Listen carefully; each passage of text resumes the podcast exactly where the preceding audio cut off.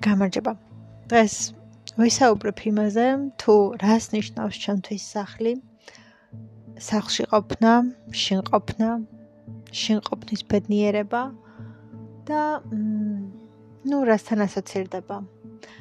ახლაც სახლში ვარ და აა გარეთ ვიყურები. მაქვს იმის ბედნიერება, რომ მ ბუნებას ვუყურებდე და ვხედავ თავს რომ აი ძალიან მალე ალბათ იწმებს და მესმის ჩიტაპის ჯიკჯიკი და აი ეს მომენტი მგონია რომ არის შეუცვლელი და უბრალოდ ბედნიერება. ნებისმიერი ადამიანი, ვისაც აქვს სიახლოვე ბუნებასთან, მგონია რომ არის უბედნიერესი, იმიტომ რომ არ მგონია ამაზე მეტი საოცრება და რამე ამაზე უფრო მეტი გასაოცარი და ლამაზი არსებობდეს ამ ქვეყნად. ყველანაირი მშვენიერება მგონია რომ არის ბუნებაში. არა, ძალიან ბევრი მაგარი და ძალიან ბევრი კარგი რამ არსებობს, თუმცა ჩემთვის არ ვიცი, ბუნებასთან სიახლოვე არის განტვირთვა. განტვირთვა ხო? დამშვიდება. არ ვიცი, რაღაც თავისუფლების შეგრძნებაც სიამოვნების შეგრძნება ძალიან დიდი სიმშვიდე და როცა ცოცხასიაძე ვარ, მაშინ განსაკუთრებით მეყვარს სეირნობა და ბუნებასთან რაღაცნაირი კონტაქტი და ანუ ეს ხმები და რაღაც საერთოდ ძალიან სასიამოვნოა. ასევე ძალიან კარგი არის, როდესაც სახლში ხარ და ზუსტად იცი რომ გაწვიმდება. და ამ სახლიდან ადოვნებ თვალს. თუმცა გარეთ ყოფნაც ძალიან მიყვარს ხოლმე მე პირადად. არ მაქვს ამაზე დიდი პრობლემა, იმიტომ რომ არ ვიცი, წვიმა ძალიან მიყვარს, ერთ-ერთი ჩემი საყვარელი და უსაყვარლესი ამინდი არის და სიამოვნებს ამ ამინდში გარეთ ყოფნა და ბუნებასთან ასე ვთქვათ კონტაქტი, ძალიან სასიამოვნო რამ არის ჩემთვის. და მოკლედ მოკლედ იმის თქმა მინდა რომ ბუნება არის საოცრება და ბუნებაში ყოფნა არის ასევე ძალიან დიდი საოცრება და ბედნიერება. და ბუნებასთან სიახლოვეს ყოფნა, კონტაქტი, სიმწვანის შეგრძნება, ხეებს რომ უყურებ, ბუნებას რომ უყურებ. მ არ ვიცი, უბრალოდ ბედნიერებას ამეტია. და ჩემთვის სახლში და შენ ყოფნა ხო უდრის იმას რომ უნდა იყო ძალიან შვიდად და ბედნიერების განცდა უნდა გქონდეს. ზოგადად მგონია რომ სახლს უნდა მოქონდეს სიმშვიდის შეგრძნება და კომფორტის განცდა. ყველაზე შვიდად და დაცულად იქ უნდა გრძნობდე თავს და იქ უნდა იყო ყველაზე კარგი ემოციური მდგომარეობით უნდა მოგწონდეს და გსიამოვნებდეს სახლში შინ ყოფნა უნდა გქონდეს შენი სივრცე და შენი გარემო სადაც ნებისმიერ წუთს დარჩები მარტო და განმარტოვდები სხვა ოჯახის წევრებისგან და უბრალოდ ჩვენთვის იქნები და საკუთარ თავს ჩაუღრმავდები ან არ ვიცი რასაც გინდა უბრალოდ იმას გააკეთებ ან წაიკითხავ ან ფილმს უყურებ ან მოусმენ ან არ ვიცი ნებისმიერი რამ უბრალოდ ეს არის ბედნიერება და კომფორტი. თუმცა დღესდღეობით ბევრი ადამიანი აი ეს თავისი სივრცე რომ მქონდეს ამისათვის ცალკეც კი გადადის, ნუ ვისაც აქვს ამის ფინანსური შესაძლებლობაც, ნუ თავისთავად მაგ მაგ საკითხთანაც ძალიან ახლოს დგას ხო? ის რომ შენ ცალკე გადახვიდე საკმაოდ ფიდით ფინანსურ ხარჯებთან არის დაკავშირებული, მაგრამ ნუ მგონია რომ აი სახლში და შენ უნდა გქონდეს რაღაც სივრცე, სადაც ნებისმიერ დროს შეგეძლება გახვიდე, გამარტოვდე, შენთვის იყო, შენთვის საყვარელი რაღაცები აკეთო, მუსიკას მოусმინო, წიგნი წაიკითხო, ფილმს უყურო, რაღაც დაწერო, ვიღაცას ესაუბრო, უბრალოდ დაისვენო, უბრალოდ განიტვირთო. აი ეს. და ზოგადად მგონია, რომ სახლი უნდა უტოლდებოდეს, ასე ვთქვათ, ძალიან დიდ სიმშვიდეს, ბედნიერებას და სიხარულის განცდას. და სახლი ყველაზე მშვიდი ადგილია. სახლი ყველაზე თბილი ადგილია და სახლი ყველაზე ტკბილი ადგილია. და რაღაცნაირად ეს ემოციები უნდა მოქონდეს ჩემი აზრით.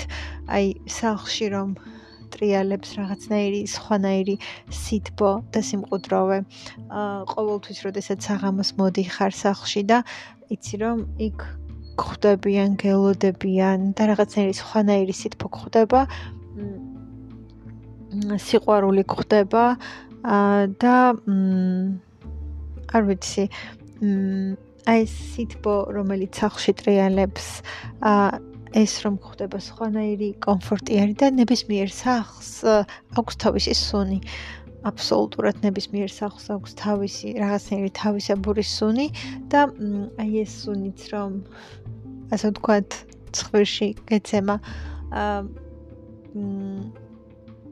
და უბრალოდ მგონია რომ ძალიან დიდი ბედნიერებაა და ნუ ძალიან სასიამოვნო არის სახლში ყოფნა და სახლში ყოფნის კომფორტი და ჩემთვის უნდა ანუ ჩემთვის ისე არის რომ ეს ყველაფერი უნდა მიესადაგებოდეს თითქოს აბსოლუტურ კომფორტს, აბსოლუტურ სიმშვიდეს, სიმყუდროვეს და სახლს ნამდვილად უნდა მოჰქონდეს ძალიან დიდი სიმშვიდე, ძალიან დიდი ბედნიერების განცდა, სიხარულის განცდა და იქ უნდა გრძნობდე თავს ყველაზე მშვიდად, ყველაზე მსუბუქად, ყველაზე ჰაეროვნად. და ჰარმონიულად ასევე და უნდა გქონდეს უსაფრთხოების, სიმშვიდის და დაცულობის განცდა, სითბოს განცდა, ძალიან დიდი კომფორტის და აი სიმყუდროვის, სიმშვიდის რომ იქ შენ ყველაზე კარგად ხარ, იქ ყველაზე მეტად მოგწონს ყოფნა და იქ ყველაზე მეტად მეტად პროდუქტიული ხარ. მ მაინც ალბათ, ну, ჩემთვის ასე არის ყოველ შემთხვევაში. სახლი არის გარემო, სადაც ჩვენ ვიზრდებით, ვსწავლობთ, მე ბევრ სხვა რაღაცასაც ვსწავლობთ, ხომ? ანუ აი ეს გაკვეთილები, რაღაც მასალა, სამეცადინო რაღაცები რაც არის ხომ სახლში მეცადინეობ უმეტესად. ну იქ ვითარდები, იქ ფიქრობ, იქ უღრმავდები საკუთარ თავს, იქ ხარ და კითხულობ ციგნებს, ну შეიძლება სხვაგან წაიკითხო, მაგრამ უმეტესად ალბათ მაინც სახლთან არის ჩემთვის ეს ყველაფერი დაკავშირებული, რომ აი რომ ისვენებ თავისუფლად ხარ მოცლილი ხარ და თან ციგნს კითხულობ. და უბრალოდ უნდა აქსიამოვნებდეს იქ ყოფნა. და იქ ყოფნა შენთვის უნდა მოქონდეს ძალიან დიდი სიმშვიდე და ბედნიერების განცდა. იქ უნდა მოგწონდეს ნებისმიერი აქტივობა, რომელსაც აკეთებ და მუდამ უნდა შეეცადო რა რაღაცნაირად თუ არ არის რაღაცნაირად შენ მაინც შენი კომფორტის ზონა დაქციო. რაღაცები შექმნა ისეთი, რაც შენთვის უფრო მოსაწონე იქნება, რაც შენთვის უფრო კომფორტული იქნება. რაც უფრო მეტად სასიამოვნოს გახდის ნებისმიერ პროცესს და რაც უფრო მეტად შვიდი იქნება შენთვის ეს გარემო. და რაც უფრო მეტად ჰარმონიულია და რაც უფრო მეტად ასე ვთქვათ, სასიამოვნო აურა, სასიამოვნო ენერგეტიკა და გარემო ტრიალებს სახლში და რაც უფრო მეტად სიმშვიდი არის, ჰარმონიული ურთიერთობები არის ოჯახში და სიმშვიდი არის უმეტესად, მით უფრო კარგად გამოდის ყველაფერი და მით უფრო კარგად აკეთებ ყველაფერს იმ გარემოში და იმ სივრცეში. მე მგონია და ძალიან ძალიან მჯერა იმის, რომ ენერგეტიკა და აურა ძალიან მოქმედებს ჩვენზე და თავისთავად ძალიან დიდი მნიშვნელობა აქვს რა ენერგია არის, რა ენერგეტიკა არის, რა როგორ გარემოს და სივრცეს გრძნობ შენ გარშემო და რაც უფრო ჰარმონიულად არის ყველაფერი დაალაგებული და რაც უფრო მეტად კომფორტული არის შენთვის ყველაფერი, მით უფრო პროდუქტიული ხარ შენ სამ სივრცეში და მით უფრო კარგად აკეთებ ყველაფერს. ნებისმიერი საქმე, ნებისმიერი აქტივობა. მე მაგალითად ყველაზე მეტად კარგად ვკონცენტრირდები მაშინ, როდესაც აბსოლუტურად სიჩუმეში და სიწყნარეში, აბსოლუტურად მშვიდ გარემოში ვკითხულობ. ან მეცადინეობ, ანუ სხვანაირად, აი, ხშირად მიფიქრია და აი, უბრალოდ მიკვირს ხოლმე, ძალიან მიკვირს თან და სულ ფიქრობ, რომ აი, რა რანაირად უბრალოდ აი საზოგადოებრივ ტრანსპორტში, მეტროში, ავტობუსში რომ კითხულობენ ხოლმე ციგნებს, აი ამ სივრცეში და ამ გარემოში როგორ უნდა გაიაზრო, როგორ უნდა ჩაწვდე კარგად და როგორ უნდა აი დეტალურად გაანალიზო და მართლა რაღაცნაირად ბოლომდე გაიაზრო ეს ყველაფერი. ძალიან მიყვარს ხოლმე ეგ მომენტი, იმიტომ რომ მგონია რომ ძალიან რთული არის ასეთ გარემოში და ასეთ სივრცეში უბრალოდ ანალიზი გაუკეთო თან ძალიან კორექტული და სწორი. მ ხო ეს მომენტი ძალიან ისეთი უცნაური არის ხოლმე. ჩემთვის შეიძლება წაიკითხო და ნუ შინაარსის დონეზე გაიგო ალბათ, მაგრამ აი არ ვიცი რაღაცნაირად უფრო სხვა მშვიდი გარემო მგონია რომ არის საჭირო იმისთვის რომ ღრმად გაიაზრო ეს ყველაფერი და ძალიან ჩაუღრმავდე. მ ან უბრალოდ ადამიანზეა ბოლომდე დამოკიდებული და ინდივიდუალურია ეს ყველაფერი. უბრალოდ ჩემთვის ბავშვობიდან ეს ყველაფერი უკავშირდებოდა სიმშვიდეს და ძალიან მშვიდ გარემოს. და ძალიან ღრმა ბავშვობიდან არასოდეს და ვერასოდეს ვერ მეცადინეობდი ხმაურში, ანუ ყოველთვის უნდა ყოფილიყავი ჩემთვის მშვიდად სიჩუმეში და სიმყოდროვეში გამოკეტილი და იქ უნდა მემეცადინა, იქ უნდა მეკეთებინა, იქ უნდა წამეკითხა და ჩემი გარემო მჭირდებოდა თან კომფორტი. კიდევ აი დაახლილი როცა ხარ და საღამოს როდესაც შინ მოდიხარ, ეგ არის ძალიან სასიამოვნო განცდა, რომ იცი რომ აი იქ იქ ხვდებიან, იქ გელოდებიან, იქ ვიღაც გელოდება, იქ ვიღაცას უყვარ ხარ, ვიღაცისთვის ძალიან მნიშვნელოვანი ხარ, ვიღაცას ძალიან უყვარ ხარ და ვიღაცა მოუთმელად გელოდება და ელოდება, როდის შეაბიჭებ. ძალიან სასიამოვნო განცდაა ეგ. შეიძლება ეს იყოს მშობელი, მშობლები, დედმამიშვილი, მე რე უკვე ნუ თავისთავად პარტნიორი, მეუღლე, რა ვიცი, შვილი, მაგრამ ძალიან სასიამოვნო განცდაა ის, რომ გელოდებიან და შენ იმ ადამიანებისთვის ძალიან მნიშვნელოვანი ხარ. და რაღაც შვიდი გარემო რო გელოდება, სიმყუდროვე რო გელოდება, სითბო რომ გელოდება იქ და იმ გარემოში შებიჯება, რომ შენც გიხარია რაღაცნაირად და გსიამოვნებს, იმიტომ რომ სხვანაირი რაღაც გარემო დაურა გხდება. ძალიან მნიშვნელოვანი მგონია.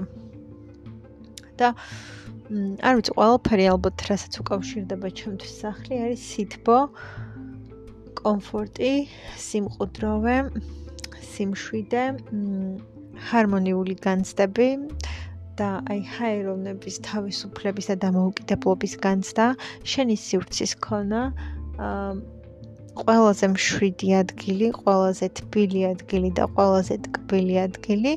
მმ და მ სიმშვიდესთან ასოცირდება, სიმყუდროვესთან ასოცირდება. აა და არ ვიცი, სითბოსთან, სიყვარულთან, აი განსაკუთრებით გაზაფხულზე და შემოდგომაზე ცხელი სასმელი რომ გინდა რომ დალიო და სხვანაირი სითბო რომ ტრიალებს სახლში და გარეთ რო ამ დროს ცოტა სიცივე არის და შენ რომ კიდევ უფრო მეტად მოგწონს აი სახში ყოფნა. როდესაც შენ შინ ხარ და გარეთ უყურებ აი ამ გარემოს და განწყობაზე სხვათა შორის მე მგონია რომ ძალიან მოქმედებს თუ როგორი ხედი და როგორი გარემო არის შენ წინ და რას უყურებ, რასთან გაქვს უშუალო კონტაქტი და შეხება, იმიტომ რომ ერთი პერიოდი მე და ჩემს მეგობარს ასე ვთქვათ, ჩვენი ბიზნესი გქონდა და ნუ სადღაც გქონდა ნაკირავებ ბინა და უმეტეს უმეტეს დროს იქ ვატარებდით. ნუ ჩვენ რაღაცნაირად მგონია რომ ისეთი გარემო და აურა შევქმნით, რომ ყველა ამბობდა რომ აი ძალიან სასიამოვნო იყო და იქ რომ მოდიოდნენ წასვლა აღარ უნდათ და რაღაც ძალიან სითბო და სიყვარული ხვდებოდათ, მაგრამ აი როდესაც ვიყურებოდი ხოლმე მაგალითად ხო ვიყურებოდი ფანჯარაში ან რა ვიცი ესე გარეთ. აი ხდებოდა შენობები და შენობები და თან რაღაც უსახური ხა ძალიან ვამბობ, მაგრამ აი რაღაც ლამაზი შენობაც კი არ ხდებოდა რაღაცნაირი აი არასასიამოვნო უჟმური და უამური შენობა რო ხდება თვალწინ და აი ვატყობდი რომ მიუხედავად იმისა რომ ზოგადად მე ძალიან მიყვარს ფანჯარაში ყურება და გარემოსთან კონტაქტი ძალიან მნიშვნელოვანი არის ჩემთვის და ძალიან ბევრ რაღაცას განაპირობებს. აი ახლაც როდესაც ამას ვწერ ფანჯარა მაქვს ღია და აბსოლუტურ სიმწვანეს ვუყურებ და ბუნებას ჩიტების ჭიქჭიკის ხმა მესმის და აი ვუყურებ ცას როგორ ემზადება რომ უნდა იწვიმოს და ნუ მოკლედ აი ბუნებასთან მაქვს და ხეები რაღაც არის სიმწვანე ამ ყველაფერს ამ ყველაფრის აღქმა მაქვს და პირიქით ძალიან მიყვარს ეს მომენტი. და იქ არც კი ვიყურე მოდი ხოლმე ფანჯრიდან იმიტომ რომ იქიდან იმდენად ნეგატიური რაღაც შემოდიოდა ჩემში და იმდენად ნეგატიურ ემოციებს და განწყობას იწვევდა რომ არც მინდებოდა საერთოდ რომ გამეხედა.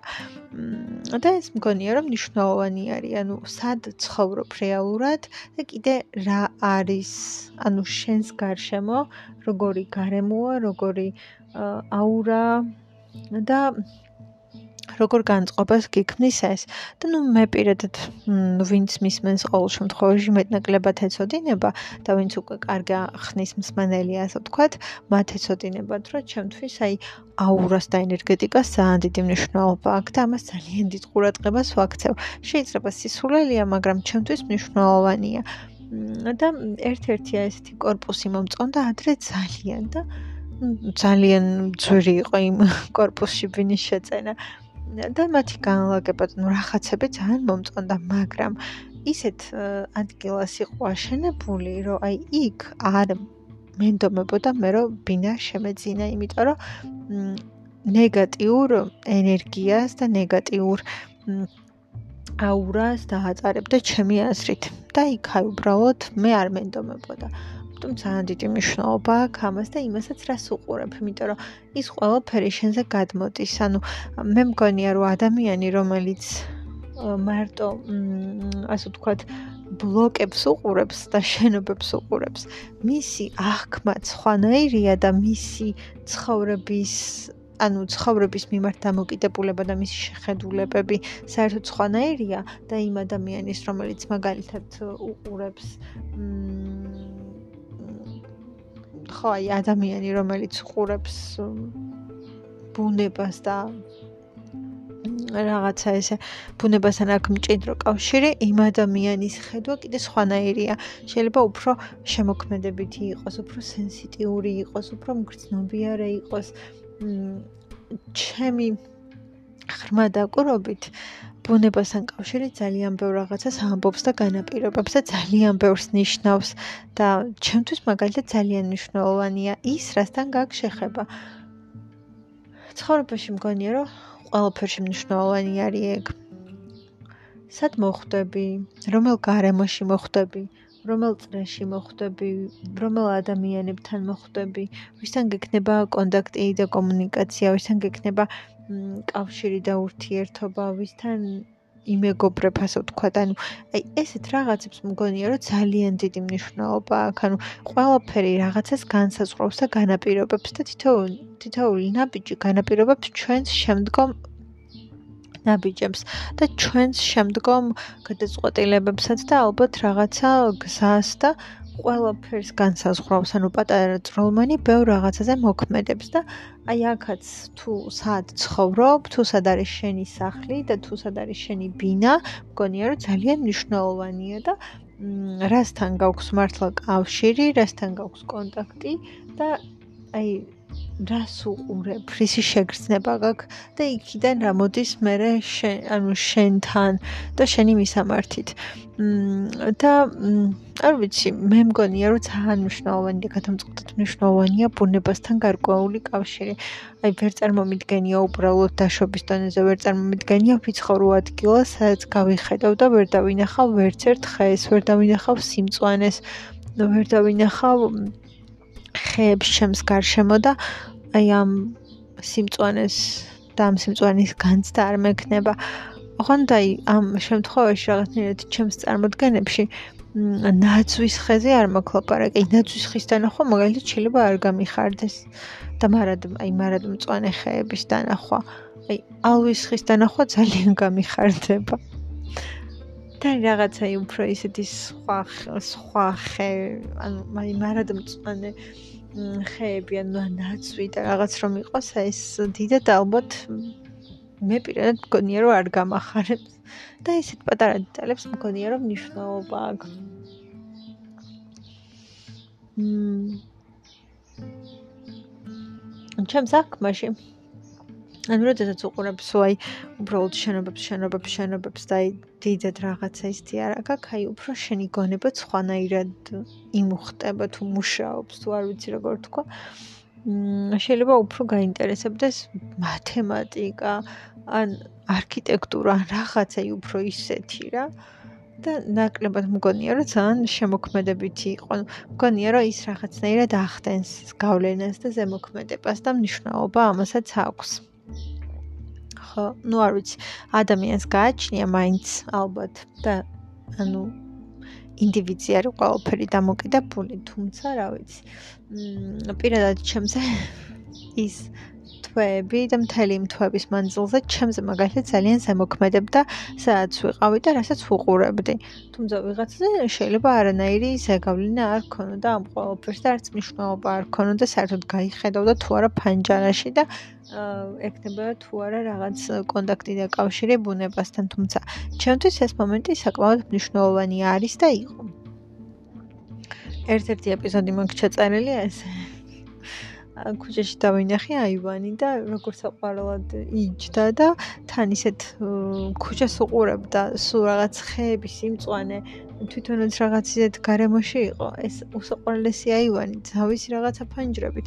აი ბედნიერება იყო მართლა იმ აივანზე ჯდომა და ყოფნა და რა შეგიძლია რომ აი იქ დაჯდე და თან რაღაც კომფორტულად იყო რა საყვარლად მოწყობილი და აი ესეთი აივანი იყო რა დაჯდები იმუშავებ კიდეც ციგნსაც წაიკითხავ შეიძლება წვიმაში დაჯდე ანუ ძალიან ძალიან აი ძალიან დიდი მნიშვნელობას ვაინჭებ ამ ყველაფერს და ზოგადად ჩემთვის აი მართლა სახლი და ეს გარემო არის ძალიან მნიშვნელოვანი.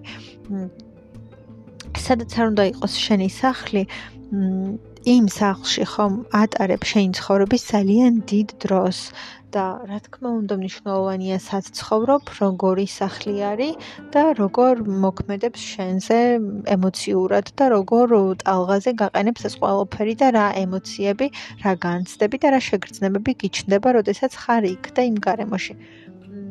ჩემი აზრით ძალიან მნიშვნელოვანია. არ ვიცი, ну ყოველ შემთხვევაში ჩემი აზრით მნიშვნელოვანია და ვიღაცისთვის შეიძლება დიდი მნიშვნელობა ამას არც გქონდეს. პირადად ჩემთვის მნიშვნელოვანია და დიდ დატვირთვას ატარებს, ასე ვთქვათ. ამ ხო, კიდე კიდე ის რომ აი ასევე დიდ მნიშვნელობას ვანიჭებ სახლი არის ნათელი თუ ბნელი აი ვერ ვიტან ძალიან არ მიყვარს პირადად. ძალიან არ მიყვარს ბნელი სახლი აი ძალიან ცუდი განწყობა მოაქვს ჩემთვის და საერთოდ ვერ ვგრძნობ და ვერ მაგრძნობინებს რაღაცა ესე კარგად და მშვიდად თავს რა აი არ მიყვარს ბნელი გარემო და ბნელი სახლი და ჩაბნელებული და ჩაჟამებული აი ისეთივე განწყობა მეუფლება და ისეთივე ხასიათზე ვდგები ვგიშდები როდესაც ნათელი არის სახლი ბინა არ ვიცი ის მზის ხივებით გაჯერებული და სიტბოთი უფრო უფრო სხვანაირი არის და ხასიათი სხვანაირი გაქვს იმ იმ გარემოში და განწყობები სხვანაირი არის იმ გარემოში. და არ ვიცი.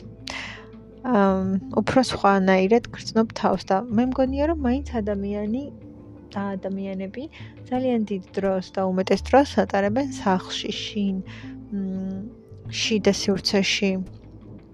და აქ მგონია რომ ყველაზე პროდუქტიულები ვართ. ანუ მე მაგალითად პოდკასტს თუ ვუსმენ, გზაში თუ ვუსმენ ხოლმე, როდესაც მგზავრობ, მაგრამ ასევე ვუსმენ სახლში.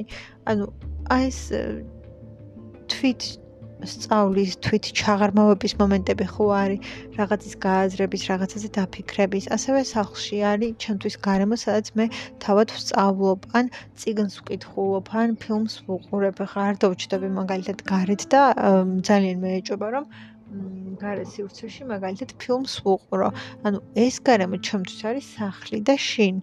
შინ უნდა ვიყო და შინ უნდა ვუყურებდე ფილმს მაგალითად. და არის ხალხ გარეთ. ციგნსაც, ну, ჩემი აზრით, სახში უნდა ვკითხულობ და უფრო კარგად რომ გავიაზრო, გავიგო, გავითავისო და უფრო კარგად რომ მივხვდე.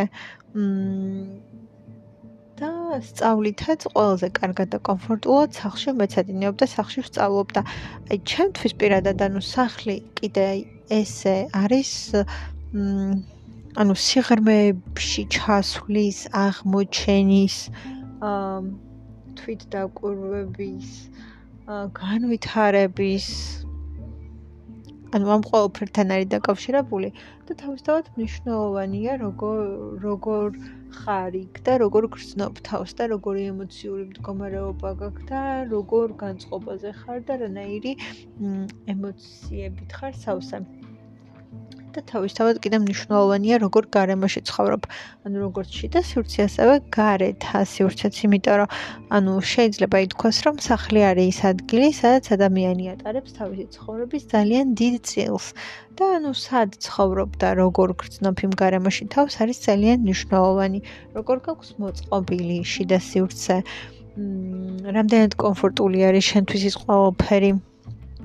როგორც გაქვს მოწყობილი და ხშირად და ანუ ვაკვირდები ხოლმე და ნუ საკუთარ თავსაც და სხვა ადამიანებსაც ანუ იმ ადამიანებს რომლებსაც არ ეკომფორტულებათ საკუთარი სახლი და შიდა სივრცე და ვისთვისაც არ არის კომფორტული გარემო სახლი და არ არის ისე მოწყობილი, არ არის ისე განლაგებული, არ არის ისე მ არ ვიცი, ანუ ისი არ არის რაღაცები როგორც მაგალითად ენდომებოდა ან ისურვებდა ასეთ ადამიანებს უმეტეს შემთხვევაში არ უყვართ ხოლმე სახლში ყოფნა და პირიქით გარესივრცისკენ უფრო მეტად მიიწევენ და გარესივრცეში უფრო მეტად მიდიან და ნუ სუ გარეთ გარეთ გარეთ უნდათ იმიტომ რომ გარესივრცე უფრო ანუ იმიტომ რომ სახლში ვერ გრძნობენ კომფორტს და სახლში ვერ გრძნობენ სიმშვიდეს იმ კომფორტს და იმ ჰარმონიულ რაღაც შეგრძნებებს და ემოციებს, რაც წესით უნდა გააჩნდეთ.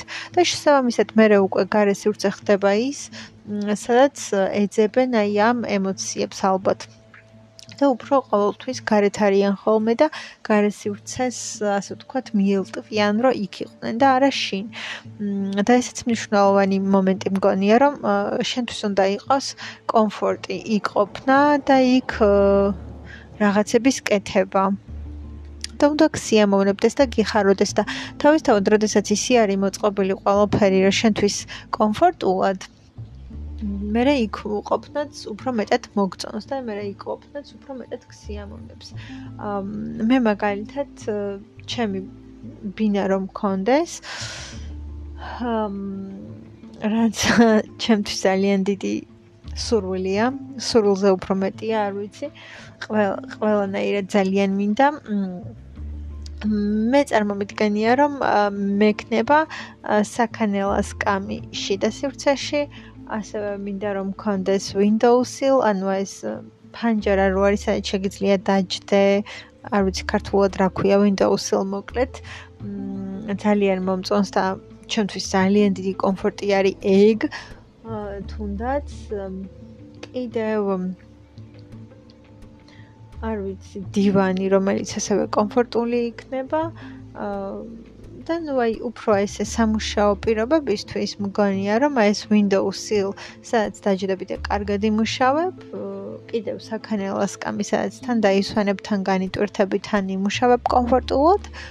და ნუ რა თქმა უნდა, კაბინეტი რაღაც მოწყობილი, უფრო ოფიციალური და უფრო სერიოზული და უფრო ისეთი სამუშაოსთვის.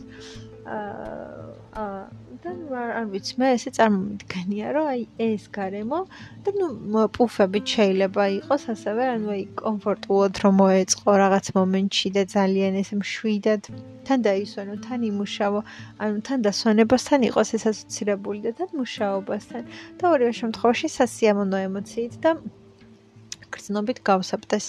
და ეს სივრცე მგონია რომ ყველაზე მნიშვნელოვანი არის ნებისმიერი ადამიანისთვის უნდა იყოს და ეხლა როდესაც ჩვენ მაგალითად იმდენად კომფორტული სივრცე და გარემო გაქვს სახლში მოწყობილი რომ იქ ყოფნა და იქ რაღაცების კეთება ქსიამოვნებს გარე სივრცეში აღარ მიდიხარ ნაკლებად გინდა რომ გახვიდე იმიტომ რომ იქ შენ ძალიან კარგად აკეთებ ყველაფერს იქ შენ ძალიან პროდუქტიული ხარ იქ ყველაფერი კარგად გამოგდის და რაღაცნაირად ناقოფიერი არის და პროდუქტიული არის ძალიან შენი მუშაობა და ნუ შედეგებიც არის საკმაოდ სასიამოვნო და კარგი. ხო და აქედან გამომდინარე მე რასაც ვაკვირდები ადამიანები რომლებიც დიდად სიმშვიდეს, სიმსუბუქეს, ჰარმონიას, სასიამოვნო ემოციებს ვერ გრძნობენ სახლში ყოველთვის და კომფორტი არ არის მათთვის სახლი და კომფორტულად არ არის მოწყობილი ან ანუ ავეჯით ან რემონტით ან განლაგებით ან ყველაფრით რა ვიცი. აი არ უყვართ ხოლმე და მთლად არ უნდათ ხოლმე სახლში ყოფნა და გაჩერება. უფრო მეტად ურჩევნიათ რომ გარეთ იყვნენ და გარესიურცეში რაღაცები გააკეთონ და იმოღვაწევან ასე ვთქვათ და სახლში უფრო მეტად იმ ადამიანებს მოსწონთ ყოფნა, ვისაც მართლა თავის გემოზია ყველაფერი მოწყობილი და მორგებული. ჩემთვის სახლი ვერ ვიტყვი რომ არასასიამოვნო გარემოა სადაც მე არ მომწონს ან არ მსიამოვნებს ყოფნა თუმცა ყველაფერი ისე ნამდვილად არ არის როგორც მინდა რომ იყოს ან როგორც ვისურვებდი. და აი ესეც ჩემთვისაც ხანდახან ხდება ხომ მიზეზი რატომაც უფრო მეტად გარეთ ყოფნა მინდა და დიდეთ აი კომფორტს თუ ვერ ვპოულობ და იმ რაღაც კომფორტულ რაღაცას თუ ვერ ვპოულობ სახში ძალიან მიჭერს გაჩერება მეც და ნუ რა თქმა უნდა მესმის იმ სხვა ადამიანებისაც და მართლა მგონია რომ ეს არის ყველაზე მნიშვნელოვანი სივრცე ადამიანისთვის ნებისმიერი ადამიანისთვის, იმიტომ რომ ადამიანი თავისი ცხოვრების დიდ წილს და დიდ ნაწილს ატარებს სახლში. ну წესით ასე არის. სა სახლში ვატარებთ, არ ვიცი, ჩვენი ცხოვრების ძალიან დიდ პერიოდს. უმეტეს პერიოდს შეიძლება და ასევე კიდევ საძინებელი და საწოლი. იმიტომ რომ ჩვენ ანუ შემთხვევაში ისი არის ყველაფერი დაალაგებული, რომ ადამიანი ძილში ატარებს ძალიან დიდ დროს, ხო, თავისი ცხოვრების გარკვეული პერიოდი ძილში მიდის და აი ასევე იმ სივრცესაც გწინავს, ეგეც ძალიან მნიშვნელოვანია და რამდენად კომფორტულია შენთვის, ასევე მნიშვნელოვანია. ასევე როგორ გწინავს, ეგეც მნიშვნელოვანია, იმიტომ რომ ძილის ხარისხი განაპირობებს მერე შენს ენერგიულობას, პროდუქტიულობას, ნაყოფიერ მუშაობას, განწყობას ასევე ემოციურ მდგომარეობას და ძალიან ბევრ რაღაცასთან არის ასევე დაკავშირებული. ამიტომ მგონია რომ სახლი არის ადგილი, რომელიც არის ძალიან მნიშვნელოვანი და ასევე მგონია რომ სახლი არის ის ადგილი, სადაც ყველაზე ჰარმონიულად, კომფორტულად, მშვიდად უნდა გრძნობდე თავს და არის ის ადგილი, რომელიც უნდა გიყვარდეს და გსიამოვნებდეს იქ ყოფნა, რომელსაც უნდა მოქონდეს ძალიან თბილი და სასიამოვნო ემოციები და განწყობები შენთვის. და უბრალოდ იყოს ის ადგილი, სადაც გინდა რომ იყო და სასურველი გარემო, რომელშიც ჩვენ მოგწონს ყოფნა, მოგწონს მუშაობა და მოგწონს იქ ასე ვთქვათ, შენი საქმეების კეთება, იმიტომ რომ ყოველთვის ყოველფერი სასურველზე უფრო კარგად გამოგდის და ეს საკმაოდ მნიშვნელოვანი არის თითოეული ადამიანისათვის. გისურვებთ, რომ თქვენთვის ძალიან სასიამოვნო გარემო მოგეწყოთ და გეცხოვროთ ისეთ სივრცეში და ისეთ გარემოში, რომელშიც უბრალოდ თავს ძალიან ბედნიერად იგრძნობთ. thank you